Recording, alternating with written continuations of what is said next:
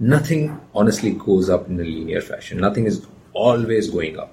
If it was always going up, I would simply tell you today put all the money that you ever wanted to put, put 100% of all your money in Bitcoin today, and then it's just going to multiply.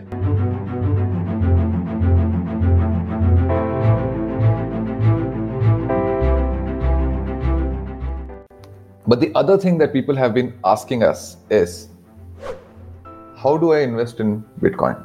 Do I buy it in one shot or whatever money I have to put into it? Do I wait it out? What are the multiple uh, ways to invest in it? What should be my goals as an investor when I put money in Bitcoin? Should I do it for the long term? Should I do short term profit booking? There are multiple approaches, obviously to each his own, but we have some suggestions or some methods that we follow that we feel are the best. But we'll cover try to cover everything in this video. So let's get into it. Let's ask Vishesh Vishesh, so what are the different Bitcoin investment strategies? Getting into uh, investment strategies, like like you said, Davis, uh, it's about uh, you know what your investment goals are and what your risk appetite is, what your conviction levels are uh, in in the asset, and what your understanding of of the asset is. I'll tell you my journey. Right, let's start there. Uh, when I first uh, invested in Bitcoin, I invested you know really tiny amount. I didn't even buy it on the right exchange I was still learning because this whole thing has been self learned, self taught. So I bought it at the wrong place. It wasn't uh, the cheapest place to buy, but I bought a little. Uh, once I bought a little, now I had skin in the game. Once you have skin in the game, then you have interest and you want to know more. You want to understand, hey, is my money at risk or is this the right thing to do? Am I gambling with my money? So that kind of led me to the path of discovery and I learned more about it. As I learned more about it, I, you know, my conviction grew. I realized that there isn't as much risk as is made out to be. And this, in fact, is a very good investment. And then over time, uh, I, you know, put in more money. I also learned where to invest. And then I uh, came to a point where I realized that, you know, this has a long term potential. So I basically made that decision in my head that I am going to, whatever money that I put into this, it's going to be for the long term. So I'm sharing my strategy here. Uh, it may not be everybody's strategy, right? So I am thinking about putting, uh, you know, when I invest in this, I'm putting in money away for at least five to 10 years. This is an emerging technology. If we compare it to internet, uh, we put money in, in internet based companies back in 2000. Today they're at all time highs after 20 years. So, you know, I think at least five to 10 years is what we should give this for it to really realize its full potential. Having said that, uh, not everybody might have that kind of a time horizon. Maybe people need to buy a home in the ni- next three years. And so, if there is only so much money, then they would like to book a profit after three years. That's fine. I think I think in the next three years also you will see quite a bit of an upside. And then there's also people with a much shorter term time frame. They would like to book profits immediately. They are not fully convinced. They don't have the conviction. They don't quite understand it. All they care for is yes, it is going up right now. It's a frenzy, and I just want to catch this wave. So I want to just go put some money in it. My money will double like Bitcoin has doubled in you know less than a year.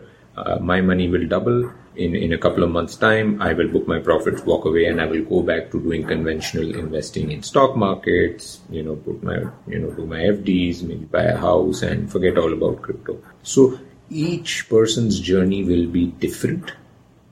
My approach has been, you know, start small, gain the conviction, learn more about it, put more money in it, park it away for a long time. What that does is that it gives me uh, the risk appetite or to uh, you know absorb any volatility or any downside that might come with such a volatile asset in the short to medium term. Uh, after I invested, I have seen times where my investment was down by 15 to 20 percent. Now, if I had not fully understood Bitcoin and if I had not fully understood that this thing has long term potential, I would have at that time gotten scared. Oh my God, I just put my money, this thing is down 20%, I just need to walk away. And I would have walked away with losses. So you have to have either conviction or really be on top of your game when you're investing in this. If you have conviction, you're in for the long term, I think uh, you're fine.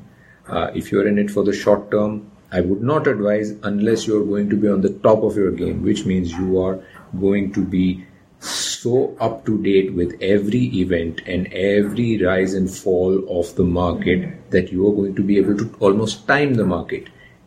Buy in at a low price, exit at a high price before it crashes again. If you're able to do those things, then you're basically a trader. You're not a long term investor and you're trading the asset.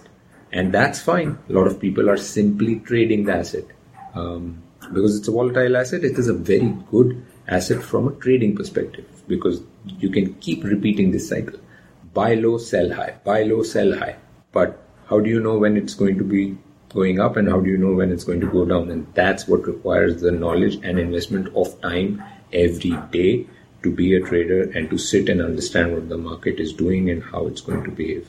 There are different ways of doing it. There are people who use technical analysis to do it, uh, people who watch the news, what is happening in the industry to sort of see patterns, market cycles, and you can do it like that. A more hands free and a less stressful approach is put some money that you believe you can, you will not need for the next five to seven years uh, for three to five years, uh, you know, I think three years is also fine, that you will not need that this is not your rainy day fund, this is not your emergency fund.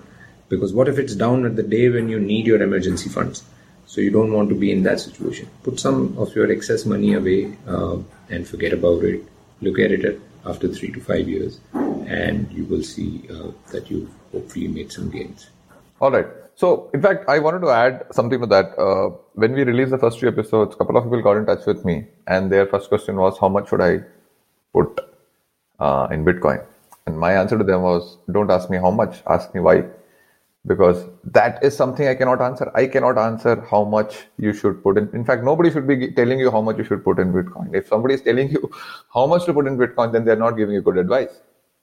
Because how much you can put in Bitcoin depends on your current financial circumstances, how much savings you have, how much, how many other risky investments you have uh, done already, or what is your, like you said, like how long can you wait? When do you are you looking for short-term investments or long-term investments? And also, what is your monetary needs in the coming, say, one to three years? If it's not much, then you can take a, like Vishay said, you can take a bigger risk or uh, put a bigger amount of money into Bitcoin. But if you are going to need some a big chunk of money that you are planning to put into Bitcoin in the next six months or a year, then probably not the right time uh, or the right place to put your money in. But one thing I really feel is that while it's pretty easy to understand what are the different uh, investment strategies, it's pretty similar to any other investment, right? Short term, long term, whatever it is.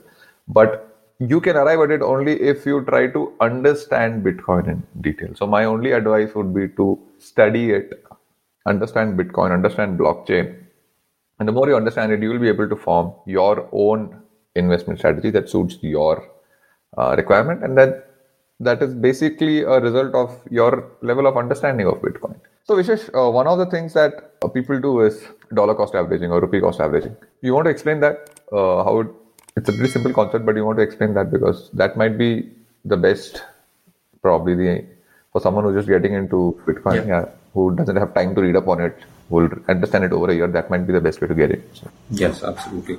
Um, so dollar cost averaging uh, is a more global term. I think for uh, the Indian audiences, uh, what we call the SIP model. This is systematic investment plan, right? Uh, what we do with our FDs, oh, sorry, mutual funds, maybe FDs as well, but mutual funds was mostly what I know uh, is basically you give an instruction to your bank and you say that every month take 10,000, you know, let's say you want to invest 10,000 rupees every month.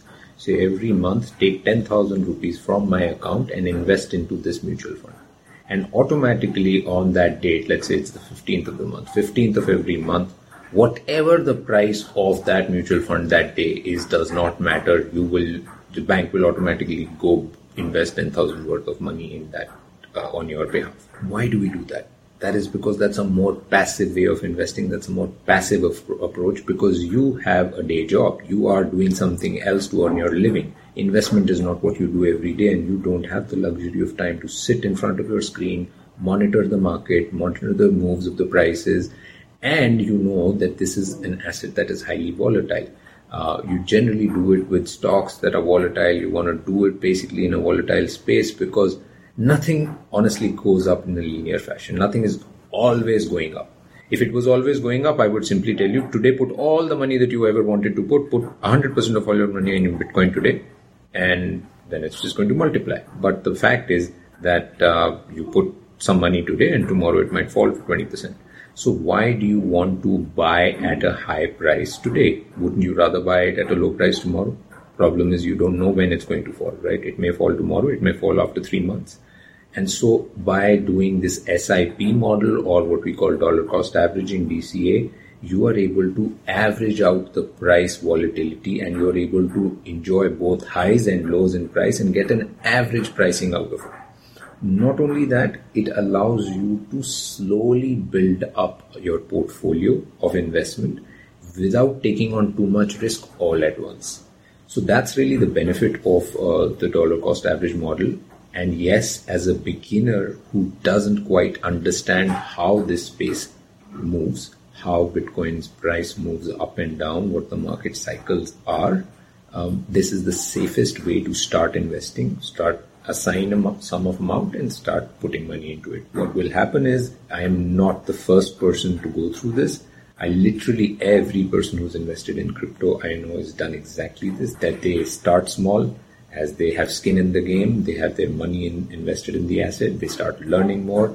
You will start to gain more conviction. You will start to increase your uh, ticket size, and what will also happen is there will come times when you will start to identify patterns in its price movements and you're going to be able to then make a call and a call that only you can make for your own money is that hey i think this thing is going to dip and i'm going to wait to put a big sum of money and so what a lot of people do is even i do right dollar cost average every month and on top of that if i expect a dip to happen then i have some more extra funds if i have then I want to put in a larger chunk of money, I'll wait for that dip. Maybe that dip never comes, which is fine. At least I'm still doing dollar cost averaging and I am still participating in the rally. If I keep waiting for that dip that I have decided to time this market and that dip never comes, I miss a solid upside. So that's uh, that's sort of a way to achieve balance in, in your investment approach. So yeah, now we we've understood that uh, you know start small and then as your conviction grows, keep growing. Uh, and then obviously you have the SIP or the dollar cost averaging or rupee cost averaging method. But how, how should we look at it from a portfolio point of view for a more matured investor uh, and not just for the beginners? Uh, Bitcoin should be what?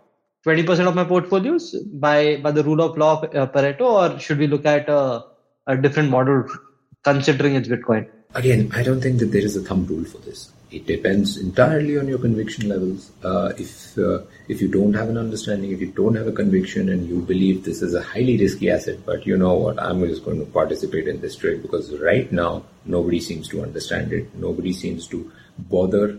As long as it's going up, I'm going to participate in it. So they just want to gamble with their money. They want to make a quick buck. For people like those, they want to only play. If they look at it as a high risk asset, then they want to also put only the amount of money that they can lose. They can afford to lose. So very small percentage of your portfolio. As you learn more about the space, your conviction grows, your percentage allocation of your portfolio may also grow. Now that is of course individuals. Now what is the general convention? What is the general advice? Well, generally what people say is that you want to uh, allocate your uh, portfolio or you know investment portfolio allocation distribution uh, into cryptocurrency in the range of 5 to 10 percent for a decent you know uh, level of understanding now there are people on either end of the spectrum right there are people who hate crypto who think this thing has absolutely no value. We are different. And then there are people who are absolute maximalists. They do nothing. They, they have no interaction with fiat currency. They've gone to the other end of the spectrum where they uh, are uh, they're earning their salaries in bitcoin. They are making all their purchases in bitcoin and 100% of their portfolio investments is in bitcoin. So we're not talking about either of those see there, is, there are some risks and we will continue to talk about those risks also in future episodes there are always risks in any investment, and you have to you know achieve and strike that balance. If there was zero risk, everybody would have invested in this, right? 99.9% of the market is not yet invested in this because they still feel there are some risks and there is not mass active acceptance. We can see certain things that the masses cannot see. Therefore, we can. Uh, we are also not that uh, wary and that fearful of this as an investment. So we are somewhere in the middle of the spectrum, and I feel like a healthy portfolio allocation should be uh, between five to ten percent uh, of your total investment portfolio. So what here is start smart, build your conviction, and keep growing keep growing and you know there are some statistics i i, I wish i um, had had uh, those statistics in front of me there are some statistics that say that oh, I, I may get these metrics wrong but uh, the general direction is that in the last 10 years if you had put 1% of your portfolio into bitcoin and 99% into conventional assets or you know the us stock market today uh, you may have either beat it or matched it. I think beat it for sure. You would have beat it uh, already with a 1% allocation. So the idea is that this thing can give you outsized returns. That's not to make you so bullish, uh, irresponsibly bullish that you go out there and put 100% of your money. There are risks, like I said, uh, study those risks, understand, take your own uh, have your own opinion about what those risks might entail do you think those risks will play out uh, my understanding is different. I will talk about uh, you know what my understanding is and how i see those risks and how i believe those risks may or may not play out. Uh, but having said that i do have a portfolio of uh, investments. So therefore i certainly have uh, a, you know a decent amount of conviction that this thing is going to succeed. Okay. Guys in fact like Vishay just spoke about how we'll speak about risks in future episodes. In fact, we have planned a mini series within this podcast itself, wherein we will cover in each episode, we will take a common risk that people talk about now Bitcoin and we will cover it in detail. So we have a mini series. So stay tuned for that. And we also have another mini series before that in which we'll talk about the common myths and misconceptions and the common question that everyone has about uh, Bitcoin. So those two series will completely take you through Bitcoin, you'll have a pretty solid understanding after that. So, Vishesh, you just spoke about portfolio allocation, but within cryptocurrencies, okay, we were talking about Bitcoin investment. Let's talk about cryptocurrencies investment. There are multiple cryptocurrencies. Bitcoin is just uh, one of them and the most popular one, the most successful one. How do, what is the best practice as such to distribute money between multiple uh, cryptocurrencies like Bitcoins and altcoins? Altcoins are crypto coins other than Bitcoins. So, what is the usual uh, split? Um, so, first of all, I'll start with I'm not a financial advisor, so I am not going to be able to tell you what is uh, the right allocation. So, like the previous answer, um, unfortunately, I have to give out this disclaimer, but uh, I will share what I do. Right now, based on a risk reward evaluation of different cryptocurrencies out there, I believe that the Bitcoin that Bitcoin is uh, is far ahead in terms of its acceptance and uh, the you know diminishing risk because uh, it has evolved and it is the oldest cryptocurrency and it has the largest market share. It has about 70% of the total market share of uh, all cryptocurrencies put together. So one uh, Bitcoin on one side and thousands of cryptocurrencies on the other side only capture 30% of the market share. So the risk has largely diminished. The reward is still high and therefore today the risk reward tells me that I should have a lopsided allocation within my crypto portfolio towards Bitcoin. I have a distribution of 80% on Bitcoin and 20% in the rest of the cryptocurrencies. What those cryptocurrencies are, you know, there are names like Ethereum, Chainlink, Dot, you know, there, there's, a, there's so many more. Uh, so we, will we'll of course talk about you know those. I don't want to get into those rabbit holes trying to explain each of those uh, cryptocurrencies. But one thing I will say right now, because it might take time before we get to that topic, is guys understand that cryptocurrencies all have different use cases. Not every cryptocurrency is playing the role of store of value, and not every cryptocurrency is trying to become the perfect form of money that Bitcoin is there will only ever be one cryptocurrency that will play that role. And right now, it looks like nothing comes even close to Bitcoin in doing that. If something emerges, if a new cryptocurrency comes and emerges and it seems like it may be even better than Bitcoin, well, we'll talk about that. But Bitcoin has a 12 year lead. It has insane amounts of network effects. Right now, it has so much energy behind it that nothing is even in the in your in your, in your rear view mirror. You can see nothing. So Bitcoin is one true winner in the monetary space. Other cryptocurrencies have other use cases. They are not store of value, and that means that you have to understand what their true use cases are. Don't just go purely on price. Hey, Bitcoin was once less than a dollar. It was maybe 25 cents. Today, look at it, it's at $26,000. So, why don't I go and invest in another cryptocurrency that is 25 cents? One day I will also have that. That cryptocurrency will also go to hit $26,000. So, why should I now invest in Bitcoin? The other thing to remember is you don't always have to buy one whole Bitcoin. You can buy a percentage of Bitcoin. You can invest one dollar into Bitcoin. You will get a fraction of a Bitcoin. The way you have to look at your returns is that there's a percentage gains, right? You put one dollar and Bitcoin grows five times. You make multiplied your one dollar to five dollars. You put ten thousand dollars, it will become fifty thousand dollars you don't have to buy one whole Bitcoin if you cannot afford it. A lot of people make the mistake, hey, Bitcoin is already too expensive. Let me go and buy a cheaper currency, which I can buy more of, and then I will have better returns. Your returns are always going to be in terms of percentage gains. Bitcoin has a lot more upside. The others may not have that kind of upside. Uh, some may do, but the risks that come with it are also higher. The higher the risk, the higher the potential reward.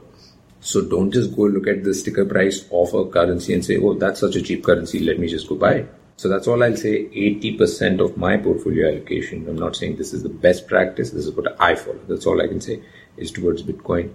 Uh, in, in the coming years, if, uh, you know, there are, uh, if, if, if the market evolves, if there is some signs that make me believe that I should start reallocating some of these funds towards other projects that have a better potential upside and their risk reward ratio is getting better, then we'll talk about it then. But today, this is the allocation that I would uh, I would do. So, guys, because we have spoken so much about investing in Bitcoin, I want to be very clear that we are not asking you to go and invest right now. We are just telling you that there's a lot of things happening with Bitcoin. We are sharing information that we know and our opinions also we're sharing. But in no way we are saying that go buy Bitcoin right now We will only say this that do your own research and then you decide whether you want to buy Bitcoin or not. And if you want to buy, how much Bitcoin you want to buy. It's absolutely up to you. It's totally dependent on your own research. Look at all our videos, look at other videos, look at other podcasts, do your own research and then decide. We are not responsible for your investments. पैसे डूबे तो हमारे पास वापस बता yes we'll have to hide our addresses and stuff, man. You never know what happens. All right, guys. If you're listening to us on podcast, let me tell you, you can also see our faces on our YouTube channel. It's the same episode, same content. It's just you can see our faces, you can see us talking to each other. That's it. There's nothing different in there. YouTube channel's name is Money Shot Podcast. Uh, you can find the link to that in the show notes, or you can just search it on YouTube. Okay, guys, that's it.